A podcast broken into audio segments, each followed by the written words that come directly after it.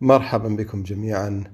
آه، كما ذكرنا سنقوم بالمرور بالكثير من المواقف التي مررت بها في حياتي المهنية ومع العديدين من من هم لهم قصص في أيام آه، في جلسات الكوتشنج التي مررت بها أيضا. فهناك العديد من أخلاقيات العمل.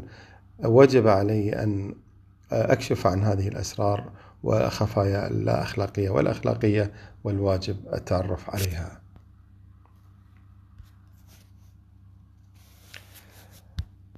أول ما سنبدأ به هو من منا لم يتعرض لأمر غير أخلاقي؟ وهذه أسئلة لكم.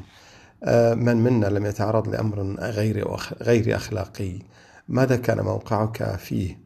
هل استمريت في هذا الموقف؟ كيف حال ضميرك؟